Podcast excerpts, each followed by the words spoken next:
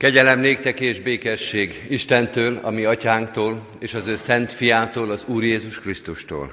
Amen. Isten tiszteletünk megáldása és megszentelése jöjjön az Úrtól, aki teremtett, fenntart, és bölcsen igazgat mindeneket. Amen. Hallgassuk meg Isten igéjét úgy, ahogy az szól hozzánk a 85. Zsoltárból. A karmesternek, Kóra fiainak a Zsoltára. Megkegyelmeztél, Uram, országodnak, jóra fordítottad Jákob sorsát, megbocsátottad néped bűnét, elengedted minden vétkét, elfo- elfolytottad felindulásodat, megfékezted izzó haragodat. Fordulj felénk, szabadító Istenünk, ne haragudj ránk többé. Örökké akarsz haragudni ránk? Nemzedékről nemzedékre tart haragod? Nem akarsz új életet adni nekünk? És örömöt szerezni népednek? Mutasd meg, Uram, hogy szeretsz minket, és adj nekünk szabadulást. Hadd halljam meg, mit hirdez az Úristen.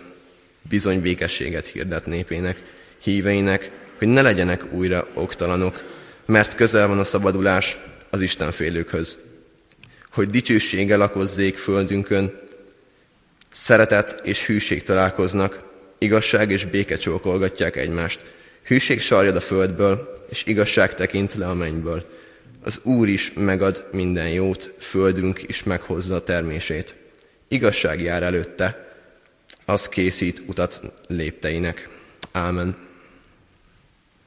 Isten tegye áldottá igének hallgatását és szívünkbe fogadását. Hajtsuk meg a fejünket és imádkozzunk. Urunk, a Te igazságodra, a Te igédre, a Te adventi üzenetedre van szükségünk. Légy itt közöttünk. Hadd érezzük meg a közelségedet. Nem is azt kérjük, hogy légy itt közöttünk, mert talán abban biztosak vagyunk, de vajon nem megyünk-e haza üres kézzel? Talán tudjuk-e, megértjük-e az üzenetedet? Ezt kérjük tőled. Ne teljék el üresen felettünk ez az óra, hanem ragadja meg a szívünket, ragadja meg az elménket, a gondolatainkat, egész valónkat. Hadd legyen teljesen nyitott előtted az életünk. Mindent elét hozunk, és mindenre tőled várunk választ. Add a te lelkedet, hogy megértsük, hogy meghalljuk, hogy követni tudjuk a válaszaidat. Kérünk téged, segíts nekünk ebben. Segíts, hogy a világ sok zaja és a bennünk lévő sok zaj és gondolat elcsendesedjék, visszahúzódjék, és a te szavad és a te igéd legyen a legfontosabb, a leghangosabb, a legérthetőbb most számunkra. Segíts nekünk rád hangolódni, és bocsásd meg, hogyha ezt sokszor nem kértük, és így aztán nem is sikerült. Mintha figyeltünk volna, de mégis a saját gondolataink után mentünk. A te nevedet emlegettük, a te neved volt a szánkon, de mégis a magunk akaratát cselekedtük. Segíts most valóban Krisztus arcára, Krisztus személyiségére formálódni, nem csak ezen az Isten tiszteleten, hanem ebben az adventben, ebben a karácsonyban, ezt követő egész életünkben. Hadd kövessünk téged, járj előttünk, vezess minket, taníts minket Jézus Krisztusért, az eljövendő Úrért. Amen. Kedves testvérek, az a szentírásbeli rész, melynek alapján Isten szent lelkének segítségül hívásával üzenetét hirdetem közöttetek, írva található Márk evangéliumának az első részében, a 15. versben a következőképpen. Beteljesedett az idő, és elközelített az Isten országa.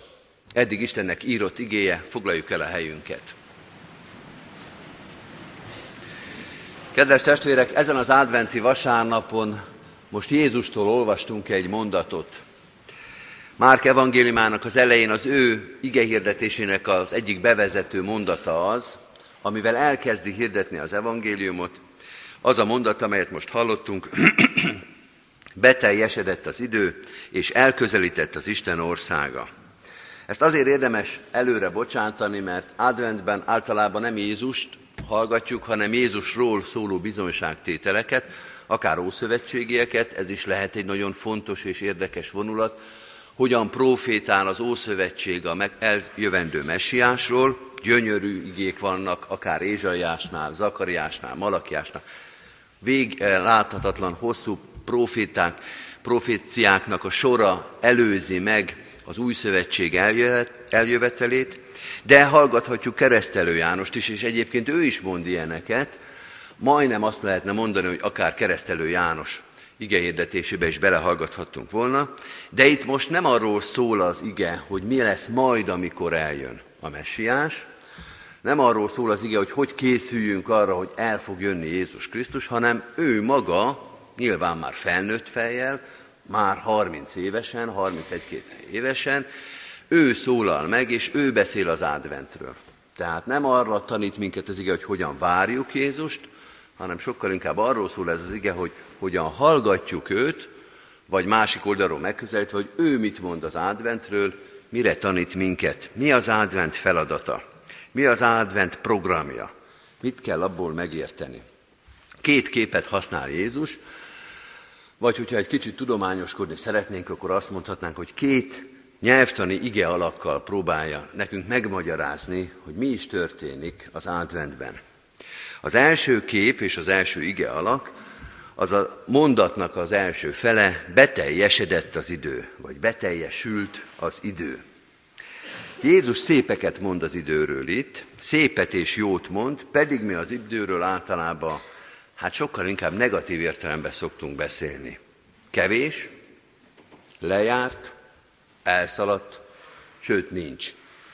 Ez az, amit az idővel kapcsolatban nap mint nap érzünk. Hogy karácsony előtt meg mit érzünk az idővel, abban most bele sem megyek.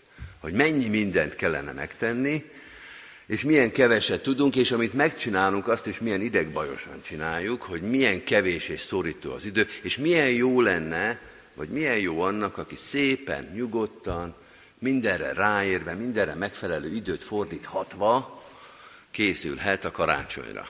És mennyire méltó ez, és mennyire méltatlan, ha az ember zaklatottan, idegesen, kapkodva, rohangálva készül, mert nincs elég idő. Így vagyunk mi, és Jézus pedig azt mondja, hogy beteljesült, beteljesedett, teljessé vált az idő. Passzív perfektum. Így ragozza ezt az igét a Szentírás, amivel két dolgot mond el. Az egyik, hogy valaki beteljesítette az időt. Valaki betöltötte az időt. Az idő az maga passzív, valaki más cselekedett az idővel. Amikor a Biblia passzív ige alakot használ, és azt mondja, hogy valaki más cselekedett, és rajtunk ez megtörtént, akkor szinte mindig az Úristenre gondol. Van is egy ilyen teológiai kifejezés, hogy passzívum divinum, hogy az isteni passzív igeragozás, hogy ő az aktív, és rajtunk csak beteljesedik, megtörténik, elvégződik a történet, de nem mi vagyunk az aktívak. És itt az időről is ezt mondja hogy Isten beteljesítette, Isten megtöltötte az időt, és a másik, a perfektum iragozás pedig azt mondja, hogy ez már megtörtént. Hogy ez nem reménység, nem a várakozásunknak a tárgya, hogy majd az es, Isten egyszer beteljesíti az időt, megtölti azt tartalommal, elvégzi, amit ígért, hanem ez perfektum, ez megtörtént, ez egy már létező, működésbe, hatályba lépett dolog, ez most már ketyeg, ahogy ezt szoktuk mondani. És ezt mondja Jézus az igehirdetésének az első mondatával. Úgy is fordíthatjuk, hogy amikor Jézus eljött és elkezd hozzánk beszélni, akkor már beteljesült az, amit az Úristen akart. Már lefutott a dolog, már ki van pipálva. Vagyis azt mondja az igéről, uh, bocsánat, azt mondja az időről ez az ige, ez a mondat, ellentétben megint, amit mi szoktuk mondani, az idő megold mindent, az idő nem old meg semmit, az passzív, de az Isten fölhasználja az időt, és az ő idő felhasználása az tökéletes és teljes, és elmondható, és Jézus el is mondja, hogy amit az Úristen bele akart tölteni ebbe az időkeretbe, az bele is töltötte, és vége, és kész, és megtörtént az, aminek meg kell történnie. Vagyis az időről azt mondja az ige, hogy olyan, mint az agyag a fazekas kezébe, Isten azt csinál az idővel, amit akar. Ő alakítja, és ő is tölti be. És megtörtént. Isten betöltötte, megtöltötte, kihasználta. Azt az igét használja egyébként itt a Szentírás, mint amikor az edényt megtöltjük folyadékkal. És azt mondjuk, hogy tele van. Tele van az az edény, lehet, hogy csobogott bele a víz, lehet, hogy csak csöpögött, Vagy néha így, néha úgy. Néha azt éreztük, hogy hirtelen felgyorsulnak az események, néha meg csak vártuk, vártuk, hogy csöppenjen már valami. De ez már a múlt, mert a, egészen az edény színéig van, betölt. És nem lehetett megakadályozni. És nem lehetett, hiába próbálták meglékelni, hiába próbálták kimerni, megakadályozni. Mindegy, ez már véget ért, megtelt és tele van. Jézus, amit eltervezett, Isten, amit megígért, az lám beteljesedett. És az időt arra használta az Isten, hogy feltartóztathatatlanul közeledjen a céljához. Ahogy a 308. dicséretben olvastuk, könnyebb megavulni, végképp elmúlni a természetnek, mint semmibe menni az igaz isteni szent ígéretnek. Jézus azt mondja, most teljesedett be ez a szemetek láttára. Betelt. De ez csak az első félmondata, az első igéje, ez a passzív perfektum igeragozás, beteljesedett az idő, de mond egy másikat is. Elközelített az Isten országa. Ez a második kép, ez egy másik kép. Az előbb azt használta, hogy megtelt az edény, és ezért van vége tulajdonképpen a folyamatnak. Most meg azt mondja, hogy valaki, aki távol volt, az közel jött hozzánk. Ez a találkozásnak a képe. Elközelítette az Isten országa. Nekem erről a képről mindig egy ószövetségi történet jut eszembe, amikor Ábrahámot meglátogatja az Isten, Mamré tölgyesébe. Ül Ábrahám a sátorba, és úgy képzelem, hogy a déli báb remegésén keresztül észreveszi, hogy ott valaki jön, valaki nagyon távoli, és jön, jön. Aztán egy idő után észreveszi, hogy nem is egy, hanem három valaki jön. És gondolkodik, gondolkodik, hogy ki lehet ez, és mi lehet ez.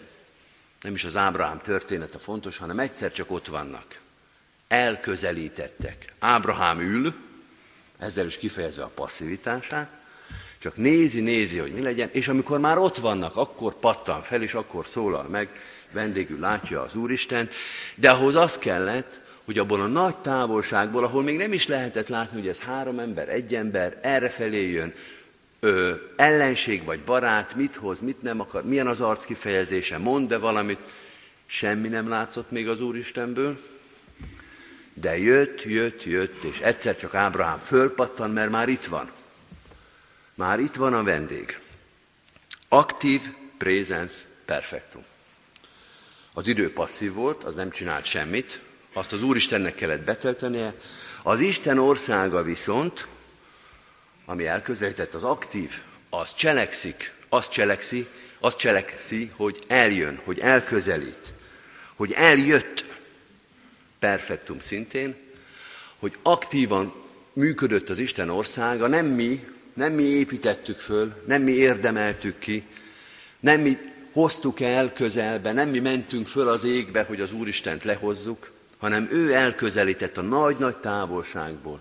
Egyszer csak itt van, és mi annak voltunk a tanúi, mi passzívan, hogy az Úristen egyszer csak valóságá látható, érzékelhető, megszólítható valóságá tette azt, amit az elején még csak nem is tudtunk, hogy mi lesz.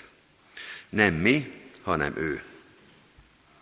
A kérdés az, hogy erről a szép történetről, amit Jézus mond, beteljesedett az idő, és elközelített az Isten országa, hogy erről le lehet-e maradni. Ki lehet-e belőle maradni? Meg tudjuk-e akadályozni azt, amiről ilyen egyszerűen, de ilyen erősen beszél maga Jézus? Két válasz van. Első válasz, nem tudjuk megakadályozni. Beteljesedett. Isten beteljesítette. Mindegy, hogy mi akartuk vagy nem, kértük vagy nem, észrevettük-e vagy nem, erősítettük vagy gyengítettük magát a cselekvést vagy magunkba a hitet, ezt az Isten tőlünk függetlenül megtette. Hiába való, sőt nevetséges az ellenállás az Isten országával, az idők teljességével szembe. Nevetséges a mi ellenállásunk, vagy olyan kísérletünk.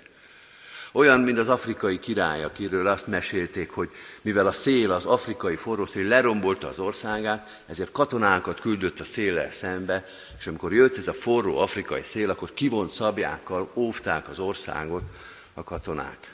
Vagy a király, meg megkorbácsoltatta a tengert, mert elsüllyesztette a hajóját. Szép, szimbolikus képek, de szánalmas képek. Karddal a szél ellen? Korbáccsal a tenger ellen? Emberi akarattal, a beteljesedő idővel szembe nem tehetünk semmit. Nem tudjuk megakadályozni. Isten eldöntött valamit, és minden emberi cselekedettől függetlenül meg is tölti azt. Ez volt az első válasz. A második válasz, igen, ki lehet belőle maradni. Igen, el lehet utasítani. Igen, be lehet csukni a szemünket. Be lehet csukni a szívünket, elfordíthatjuk a fejünket. Levegőnek nézhetjük azt, ami van, és ami tőlünk függetlenül is van. Úgy csinálhatunk, mintha nem lenne. Negligálni a valóságot.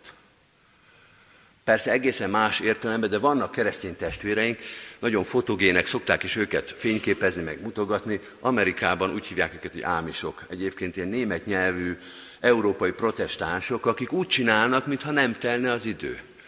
Úgy élnek, mintha a 18. században lennének. Nem használnak robbanómotort, nem használnak gyári termékeket, lovaskocsival közlekednek, úgy néznek ki, mint egy skanzen, szépek, kedvesek, és úgy viselkednek, mintha nem telne az idő. De persze telik, és a fotókon mindig úgy, úgy fényképezik egymást, hogy egy ámis kordé, meg egy modern amerikai autó mennek egymás mellett. Előzi egyik a másikat. Most nem árulom, hogy melyik szokta leelőzni a másikat, de valamelyik elmegy a másik mellett. És úgy csinál az ember, mintha ez nem történne meg. Mintha ez nem lenne. Mintha lenne annak jelentősége, megállíthatná a világot azzal, hogy nem fejlődik, vagy valamit megtagad. El lehet fordítani a fejünket az Isten országa elől. Jézus nem hiába mondja ezt, mert ha csak az elsőt mondaná, akkor azt mondja, hogy nem is kell mondani, úgyis mindegy, hogy mit csináltok. Az Isten betölti az akaratát. De mondja ezt a második mondatot is. Mondja azt, hogy elközelítette az Isten országa, hogy meglátogatta Isten Ábrahámot, és Ábrahám fölpattant, és odaszaladt, és behívta a házába, behívta az életébe, jól is viselkedett, kedves volt, vendégszerető, ételt készített számára, befogadta a kedves vendéget, tehát részesült abban, amit ez az elközelítő vendég elkészített. Azt mondja Jézus, Isten cselekszik, de kérdés, hogy ti hogyan reagáltok. És az advent, az első ige hirdetés az erről szól. Az advent, hogy fel kell készülni a helyes válaszra. Ne történje meg, hogy mint amikor az ember beugrik egy helyzetbe, hogy elvétitek a választ. Hogy nem tudjátok, hogy ott hirtelen, hogy készüljetek föl. Készítsétek a szíveteket. Ez egy fontos válasz, hogy hogyan válaszoltok az eljövendő úrnak, ezért nem kapásból kell válaszolni, hanem föl kell készülni. Vagyis az advent az nem csak olyan értelemben várakozás, hogy passzívan ülünk és nem csinálunk semmit, mert az Úristen majd úgyis elvégez mindent.